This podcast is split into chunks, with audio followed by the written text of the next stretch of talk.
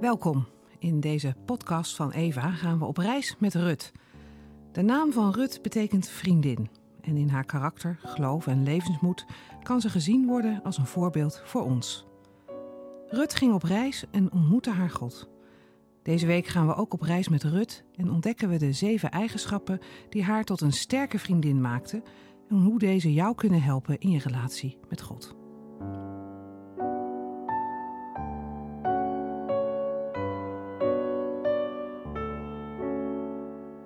Dag 6. Opofferingsgezind. We beginnen de overdenking met een bewust moment van stilte. Probeer je gedachten stop te zetten en richt je aandacht op God. Neem tijd om Hem te begroeten. Vraag aan God of Hij jou nieuwe inzichten wil geven door het verhaal van Rut.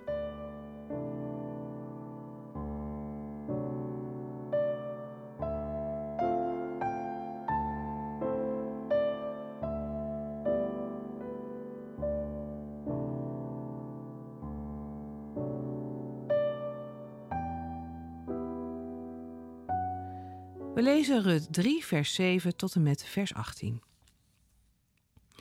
Boas at en dronk, voelde zich voldaan en legde zich te slapen tegen een hoop gerst.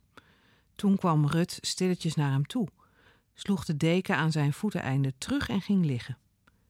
Midden in de nacht schrok hij wakker, draaide zich om en zag een vrouw aan zijn voeteneinde liggen. Wie is daar? vroeg hij. Ik ben het, Rut, zei ze.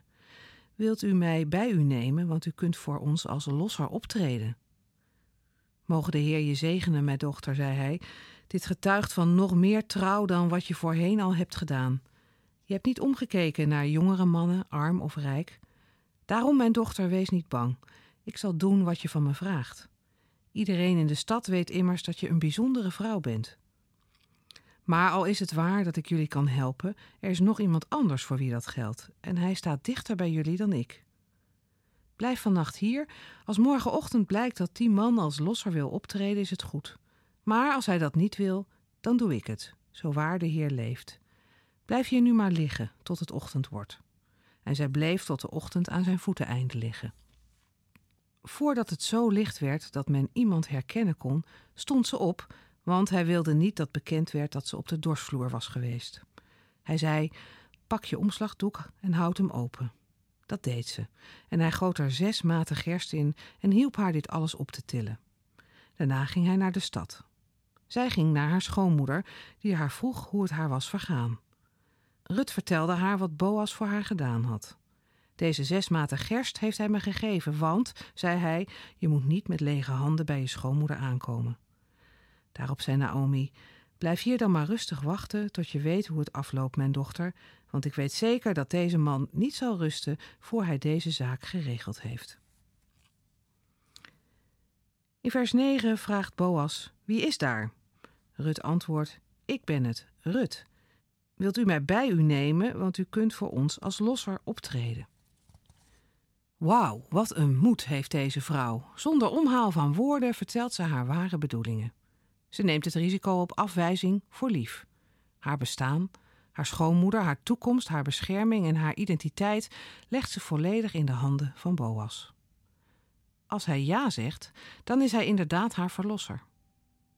Heb jij ooit zo voor God gestaan en hem deze woorden gegeven? Spreid uw vleugels over mij uit, want u bent mijn verlosser. Een diepe beleidenis. Wil jij vandaag opnieuw deze beleidenis bij God doen? Wees even stil en breng je gedachten bij God.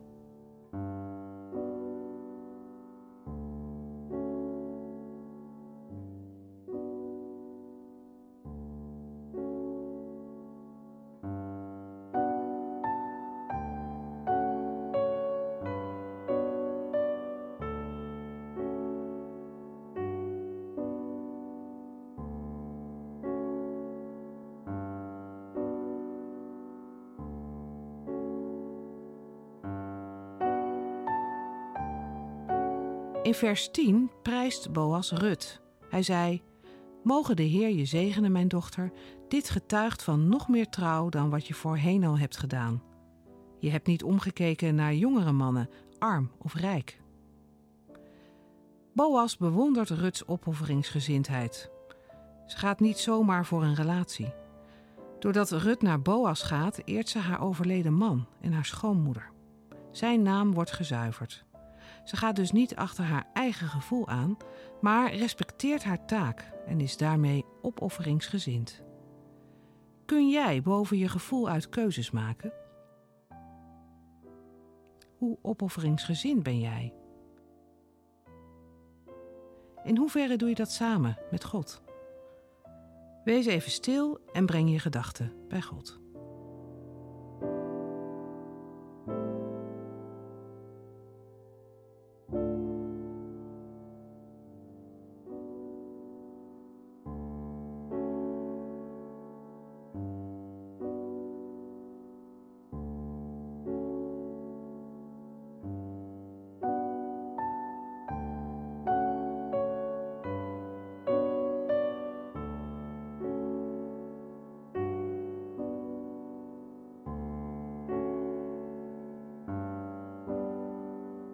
We sluiten af met het Onze Vader. Onze Vader in de hemel, laat uw naam geheiligd worden. Laat uw koninkrijk komen en uw wil gedaan worden op aarde zoals in de hemel. Geef ons vandaag het brood dat wij nodig hebben. Vergeef ons onze schulden, zoals ook wij hebben vergeven wie ons iets schuldig was. En breng ons niet in beproeving, maar red ons uit de greep van het kwaad. Want aan u behoort het koningschap, de macht en de majesteit tot in eeuwigheid. Amen.